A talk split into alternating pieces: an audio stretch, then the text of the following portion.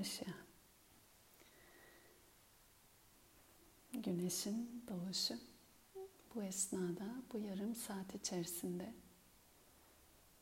biz de gözlerimizi karanlıkta kapattıktan sonra açtığımızda aydınlık. Biterken bu buluşmalar söylediğimiz o mantranın bir nevi fiziksel eşliği. Tamasoma, Jyotirgamaya, karanlıktan ışığa götür beni. Bir insanın hayatında yapabileceği en büyük iyilik bütün gezegene. Böyle söyleyince çok iddialı ama öylesine iddialı. Evet, en büyük iyilik kendi içindeki karanlıklarını aydınlığa çıkartması olabilir. Bu öğretmenlerin, kitapların, okuduğumuz şimdiye kadar referans aldığımız metinlerin öğütlediği bir değişim yaratmak istiyorsa insan gördüğü dışarıda deneyim alanında bu gezegen dediğimiz dolayısıyla deneyim alanı dışarıda dünyaya dair herhangi bir şey. Bu değişimi başlatacak şey aslında sözler, fiziki eylemler dışarıya dair her ne oluyorsa önce içeriden başlıyor. Bu yüzden de içeride olan bir değişim ya da içeride ne varsa zorunlu olarak dışarıya zaten yansıyor. Bir mum bu ünlü Buda'nın sözüdür. Kendini aydınlatarak aslında çevresine ışık verir. Bir mum başka bir mumu yakabilir. Varlığı ama yakmak adına değildir. Mumun amacı kendini yakmaktır zaten. Kendini aydınlatmak, parlatmak, kendinde sahip olduğu ışık sadece kendiyle. Diğeri, diğer başka bir mum ya da dışarıya yansıyorsa bir ışık aydınlık bunun dolaylı bir sonucu. Kişisel kendi kendine sessiz, karanlıkta yarım saat geçirmek ismi meditasyon. Belli düzende, belli disiplinde, belli zamanlarda uygulamalar yapmak fiziksel, zihinsel daha iyilik, daha sağlık, daha denge için ismi sadana verdiğimiz buradaki çalışmalar gibi. Bunların hepsi aynı yöne, aynı yaklaşıma. Bu yüzden de fiziki olarak eylemleriniz dışarıda yapılan icraatlar elle, kolla, sözle her zaman bir yan etkisi olur der kitaplar. Aktarır eski metinler. Ama kendi içsel, fiziki eylemden bağımsız, içsel, kişisel yaptığınız çalışmaların sadece olumlu etkisi olur dışarıya yürürken birisine iyi bir şey vermek adına bile karıncaları ezip geçebilirsiniz mesela görmeden, fark etmeden. Ee, veya herhangi birisine başka bir cümle, güzel bir cümle ettiğinizi düşünürken başka birisinin kalbini kırabilirsiniz fark etmeden. Fiziki dış dünyaya yapılan her eylem, bu yüzden karma, fiziksel dışsal olarak eylem etki bırakır diye anlatılır fiziki eylem. O etkisinden dolayı da her zaman bir tepkiyle geri gelir. Yani bir sonuçla biçilir. Ama bazı karmalar yani bazı eylemler etki iz bırakmaz. Onlar sanki suyun üzerine böyle kalemle çizmişsiniz gibi. Ee, aksine hatta kendi içinde kişinin daha olumluya, daha farklı etkileri varsa izleri, tohumları onları dönüştürmeye daha iyiye götürmeye vesile olur. Bunlar şu an yaptığımız çalışmalar. Oturduğunda buna kişisel manevi çalışmalar diyelim. Ee, sadece dış dünyaya bir etkisi olmayan fiziki görünürlükte ama aslında daha büyük derinliğinde etki bu kişinin eylemleri, icraatları olarak kendine birincil, direkt teması olan ve bir de yan etkisi olmayan. Buna manevi çalışma, kendini daha olumluya dönüştürme adına uygulama, sahip olduğun fizik beden, zihin, söz, bu potansiyellerin ne olduğunu keşfetme, anlama, araştırması da diyebiliriz. Bunların hepsi dolayısıyla aslında içsel olarak yapılan bir nevi ritüel. Ve bu ritüelliğiyle de belli bir ritimde tekrarlanmakta. Bu yüzden de etki getirmekte. daha derin. Etki çünkü tekrarlı eylemle ancak daha derinleşebilir. Ve ne kadar siz bu ritmi, düzeni koruyarak istikrarı, yaptığınız eylemi kendi kişisel içsel değişiminiz adına tekrarlıyorsanız o kadar artık o sizin etiniz kemiğiniz olur. Zor, kolay, kıyasına girmez artık. Çünkü tekrarlanmış bir eylem zaten iyice kolaylıkla su gibi akar elinizden. Bu 20 dakika sessiz oturmak da olabilir. Nefes al, nefes ver de olabilir. Başın üstünde dur da olabilir. Olumlu söz söyleme becerisi de olabilir. Olumlu düşünme becerisi de olabilir. Bunların hepsi tekrarlanmış aslında eylemler. Hayatımıza bir davranış, alışkanlık olarak giren hepsi. Ve bazı eylemler ise bu anlamda dışarıya yönelik amaç doğrultusunda değil, içsel, kendi kişisel gelişim veya kendi içsel, kişisel, manevi değişim için. Bunun ismi sadana veya olumlu karma diyeceksek yan etki bırakmayan türde eylemler. Ve kendi kendini aslında değiştirmek, parlatmaktan başka da bir amaç yoksa o nihayete birebir hizmet eden eylemler. Bu yüzden her ne eylem de yapıyorsanız dışarıda bu yaklaşımla, bu algıyla icra edin. En azından ki o eylemler de bırakıyorsa yan etki minimum düzeyde kalsın demeye çalıştı bize kitap Bhagavad Gita 2. 3. bölüm Karma Yoga başlığıyla. Çünkü siz her zaman gözleriniz kapalı meditasyonda oturamıyorsunuz. 24 saat içinde yapılacak dünya demek, beden demek, hayat demek bu. Gitmek, yürümek, bir şey almak, bir şey vermek, bir şey söylemek. Ve bunların hepsi dış dünya etkileşiminde her an farklı bir dışsal bir sonuç uğruna dışsal da yan etki getirme potansiyelinde. O zaman bunları siz bir sadana, manevi çalışmaymış gibi görün. Yediğiniz yemeği de, yemeğin ya da birine pişirdiğiniz yemeği de, yaptığınız herhangi bir işi, her biri de sizin için böyle bir manevi çalışma potansiyeline daha içsel kendinizde sahip olduğu varoluşunuzun parçaları ya da tüm varoluşun bir nevi e, minneti, teşekkürü niyetiyle bir hediye gibi sunulabilir her eylem. Bu yaklaşımda bunları aslında diyebilirsiniz belki böyle bir kelimemiz var. Bugün de Bhagavad Gita bize okuyacağımız dizeler bu kavramla konuşacak ibadet. Bunu duyunca insanlar hemen bu kavramı bir yere bir tanıma koyuyoruz. Şu an sahip olduğumuz e, kültür ve gelen tanıdığımız uygulamalarla tarihin içerisinde. Ama kavramın Sanskrit burada kullandığı tanımı yagnya. Yagnya alışveriş demek. Yagnya sunuş demek. Adak demek. Vermek demek. Feragat demek. Bunu daha önce daha uzun konuştuğumuz bir sohbet vardı bu kavram adına. Tek bir kelimeyle çevirmek zor. Ritüel diye de bu yüzden çevriliyor. Aynı zamanda ibadet gibi de burada çevrilmiş. Bu şu demek. Siz bir eylem yapacaksınız ama o eylem kişisel çıkarınız için değil.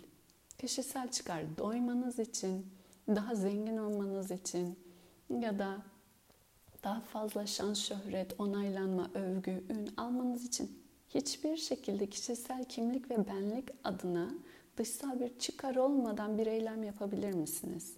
Bu zaten karma yoga olarak konuştuğumuz yaklaşımdı. Biraz önce bahsettiğimiz manevi çalışma gelişimi de bu uğurda tanımladık. Bu benzerlikte bir eyleminiz olsun, bu eylem sadece varoluşa bir minnet teşekkür gibi. Ve bu eylem sadece kendi varlığınızı daha iyi tanımak için. Bu buna hizmet etmesi adına. Böyle deyince aslında içsel olarak sahip olduğun ya da karanlığı dönüştürmesi için daha fazla kimlik varsa, aidiyet varsa, mülkiyet varsa, herhangi bir şeye ben benim diye tutunmalar varsa ve bunlar seni sıkıştırıyorsa, daraltıyorsa sıkışma ve daralmayla sürtünme dedik biz ona acı getiriyorsa bunları dönüştürmek adına aslında bir yaklaşım, bir eylem biçimi. Bu zihinsel olarak aslında bir yaklaşım. Sadece fiziki bir eylem değil. O yüzden kavram diyelim ki ritüel, ibadet, feragat, veriş, sunuş, adak hepsini söyleyebilirsiniz. Bu anlamda aslında belki bu olumluluktan ve bu manevi gelişime de daha hizmet eden yaklaşımda ki tüm eylemleriniz olabilir bir ibadet. Böyle bakarsanız bir yemek pişirmede, bir çöp alıp atmada, gözlerinizi kapatıp her gün 20 dakika sadece oturmada, nefesinizi ve düşüncelerinizi izleyerek. Bunlar varoluşun keşfi uğrunaysa içsel o karanlığı aydınlıkla bir nevi takas, değişim, alışveriş ve feragat sahip olduğunu tutunma kimliklerden vazgeçme. Yaklaşımında kendini dönüştürme potansiyelindeyse ve dolayısıyla da içsel huzur ve içsel uyum, ahenk arayışındaysa her biri ona dönüşebilir. Ancak bu yaklaşım olduğu sürece. Çünkü bu yaklaşımı da anlatmak adına daha kolay kavranması için daha önce bıraktığımız beslenme için sattva, aydınlık, saflık, ışık kelimesini anlatmıştık. Şimdi konuştuğumuz kavram ibadet, yagna, Sanskrit için de sattva niteliğiyle anlatacak. Yoksa okuyalım ki zaten söyleyecek. Bunları yapıyor gibi görünebilirsiniz ama içsel olarak oldukça çıkar peşindeyseniz tırnak içinde yani ibadet veya feragat veya manevi çalışma yapıyormuş gibi görünüp de arka planda motivasyonunuz kişisel çıkarlarsa bunları satva değil rajas türünde tanımlayacak. Böylece aslında uygulama var, uygulama var. Maneviyat var, maneviyat var. Veya diyelim ki eylem var, eylem var, ibadet var, ibadet var meditasyon var, meditasyon var. Hepsini koyabilirsiniz ya da yoga var, yoga var. İsmi aynı görünebilir, uygulama aynı görünebilir ama içeride sizin ne yaptığınız aslında onun olduğu o doğasına hizmette diyelim ki biz sattva daha gerçekten o hizmette e, gerçekliğiyle uygulanıp uygulanmadığını görebiliriz. Ve 17. bölüm 11. dize Bu uygulama bahsettiği şey yagna. Yani buraya tören, ibadet, eylem, yaptığınız neyse manevi çalışma bütün bunları düşünebilirsiniz. Demiş ki Antakkara Şuddi, bunu daha önce bu kavramı söylemiştik. Zihin saflaşması. Biraz önce anlattığımız o karanlığın aydınlığa çıkması. Zihin saflığından başka kendini karanlıklarından daha temizlemek, arındırmak. Bundan başka bir sonuç beklemeden, tek amacını yapmaktan, niçin meditasyondasın? Daha popüler birisi olayım diye meditasyon yapan insan çok havalı gibi örnek. Böyle bir şey değil. Meditasyon yapıyorum. Niye? Kendimle meselem var. Kimin ne dediği önemli değil. Kendi içimde bildiğim karanlık var. Bunları aydınlatmak. Tek sonucun bu. Bekleyebileceğin. Bundan başka bir sonuç beklemeden icra edilmesi gerektiği için bu eylem, bu ibadet ya da işte her ne diyecekseniz bu alış, bu sunuş icra edilmeli diyerek icra edilen yagna satviktir. Satva niteliğinde eylemin, satva niteliğinde ibadetin sadece sizin manevi gelişiminiz ve karanlığınızı aydınlığa çıkarmanız için. Başka bir amacı yok. Başka bir beklenti yok. İkincisi 17. bölüm 12. dize diyecek ki bir sonuç bekleyerek icra edilen ve kişinin ne kadar da ibadet dolu, ne kadar da maneviyatta gelişmiş olduğunu göstermek için, demin dediğimiz gibi gösteriş için yapılan eylemler Başınızın üstünde durmak da olabilir bu. E şu an bildiğimiz ibadet ismi altındaki diğer eylemler de olabilir. Özetle eylemin içeriği önemli değil. size şunu söylüyor. O yüzden güzel bir dize. Ne yapıyorsanız yapın. İster başınızın üzerinde ister namaz olsun adı. Bunu bir gösteriş amacıyla yapıyorsanız bu maneviyata hizmet etmiyor. Dolayısıyla bunun ismine diyecek ki bunlar racasik yani racasik uygulamalardır. Çünkü hedef içsel gelişim değil, hedef dışsal bir kar. Dışsal kar da kimliğe dair. Ne kadar daha deyin ki doğruyum, iyiyim, güzelim, e, ünlüyüm vesaire vesaire. Gösteriş ve göstermek varsa bu rajas türünde eylem. 13. dizede tamas türündeki yagnayı, ibadet veya manevi çalışmayı tanımlayacak. Derler ki eğer yaptığın bu yagna önerilenler biçimde değil de e, ve sunulması gereken doğru biçimde sunulmamış, doğru biçimde söylenmesi gereken söylenmemiş, burada mantra kelimesi kullanılmış veya sahip olduğu ne varsa sonucunda gelen doğru biçimde paylaşılmamış ve içinde şradda burada Sanskrit geçiyor şradda inanç, güven, iki yüzlülük diyelim özetle riyakarlık, şraddanın olmaması, inanç olmaması. Eylem var ama içeride boş. Tam tersine bir başka tür inanç var veya başka türlü bir hedef var. Böylesi bir şey tamas niteliğinde. Bu elbette oldukça olumsuz, oldukça zarar verici bir yaklaşım ki nitekim tamas niteliğini hepsini böyle anlatıyor. Bu sattva rajas tamas konuşmaları daha önce gerek beslenme, şu an yagna vermek, vazgeçmek, sunmak, yaptığınız manevi çalışmaların hepsi her neyse ve başka kavramlar da olabilir ki sonra konuşacak. Bundan sonraki konuşması nefs terbiyesi. Nin sattvaracastlaması. Sonra hayır, bağış, vermek. Bunun sattvaracastlaması. Her şeye koyabilirsiniz üç nitelik. Şu anlamda önemli. İçsel görünmeyen motivasyon ve yaklaşım. Zihinde tuttuğunuz niyetin fiziki eylemden nasıl öncelikli olduğunu söylemesi adına. Kitaptaki bu dizeler bunun adına tekrar bir anımsatıcı. Ne yaptığınız önemi yok. O yüzden yoga var, yoga var. Veya ibadet var, ibadet var. Ya da eylem var, eylem var demin dediğimiz. Fiziki olarak iki kişi aynı görünebilir, aynı fiziki eylemleri yapan. Ama içeride ne oldu? Onun gerçek bir sadana veya yagna ya da manevi çalışma. Ki bunu da biraz önce söylediği sadece amaç kendi kimlik, kişilik, kurduğu benlik ve zihin içindeki karanlığı veya kiri arındırma adınaysa bu motivasyon ilk konuştuğumuz kişinin kendinden daha geliştirmek, kendini aydınlığa çıkartmaktan daha büyük bir amacı yok dediğimizde ise o zaman o karma yoga, o zaman o yoga, o zaman o veya yajna, ibadet tanımında o zaman o sadana bir sürü güzel kavram kelime var. E, bu anlamda ilham veren ama cümlelerin ki böyle bir dizesi daha vardı öncesinde 6. bölümde. Önemli olan şu. Ne verdiğiniz, ne yaptığınız değil. Nasıl verdiğiniz, nasıl yaptığınız mesele. Başınızın üstünde durmanız değil. Bunu yaparken nasıl bir süreç geçirdiğiniz, içeride ne motivasyonunuz olduğunuz mesele. 25 dakika, 30 dakika, 1 saat hareketsiz oturabilirsiniz.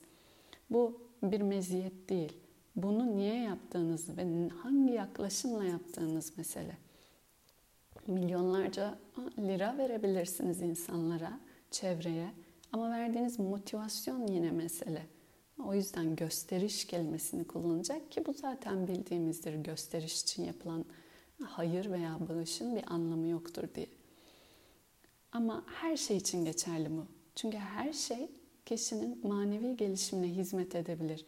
Bir yemek pişirmekte e, ya da başın üstünde durmakta ya da 20 dakika sessiz sakin sadece oturmaya çalışmakta.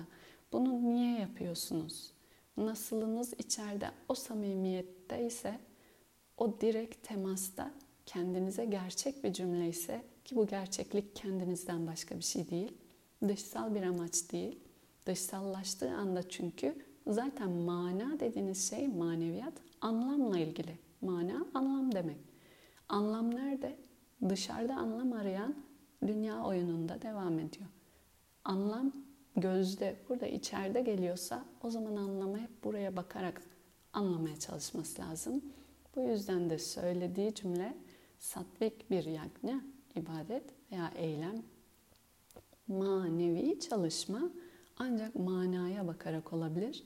O manada insanın kendinden başka bir yerde değil. Bu yüzden de saydığı o bütün erdemler zaten dolayısıyla geliyor. Satya, doğruluk, samimiyet, incitmemek, ahimsa, mal, mülk üzerinden kendini tanımlamamak vesaire böyle çok güzel erdemler saydı, konuştuk. Bunlar çünkü amaç ilk etapta motivasyon veya nasıl burada saklı zihnin saflaşması veya karanlığın içeride her ne varsa kimliğe, benliğe dair aydınlanması. E, bu güzel bir konu. Belki geri kalan eylemler kendi adımıza. Elbet dışarıda bir şeyleri tanımlamak, görmek yolumuzu bulmamak, bulmamız için yardımcı olabilir ama en başta kendi eylemlerimiz üzerinde muhakeme ve sorgu ve uyanıklık. Bu uyanıklık, farkındalık. Çünkü her an insan bir ip gibi sağa veya sola düşme potansiyelinde, dengede o dikkatte kalmasına yardımcı olabilir.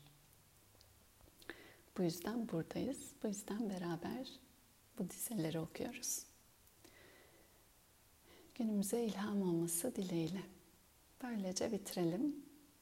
Bu dilekleri söyleyen bir mantra Asatoma Satkamaya beni bir yanılsama varsa yanılsamadan gerçeğe götür. O gerçeği göster. Tamasoma Jyotirgamaya karanlıktan beni aydınlığıma götür. Üç kez om sesiyle.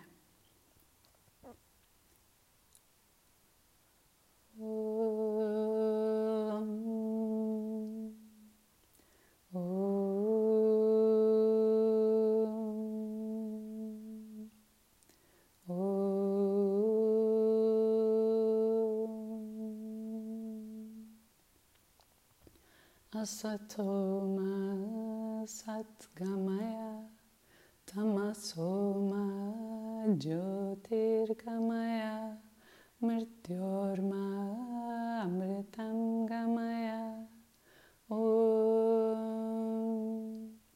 Purnamata Purnamitam Purnat Purnamutachate Purnasya Purnamadaya Purnameva Vashishyate Om. Shanti Shanti Shanti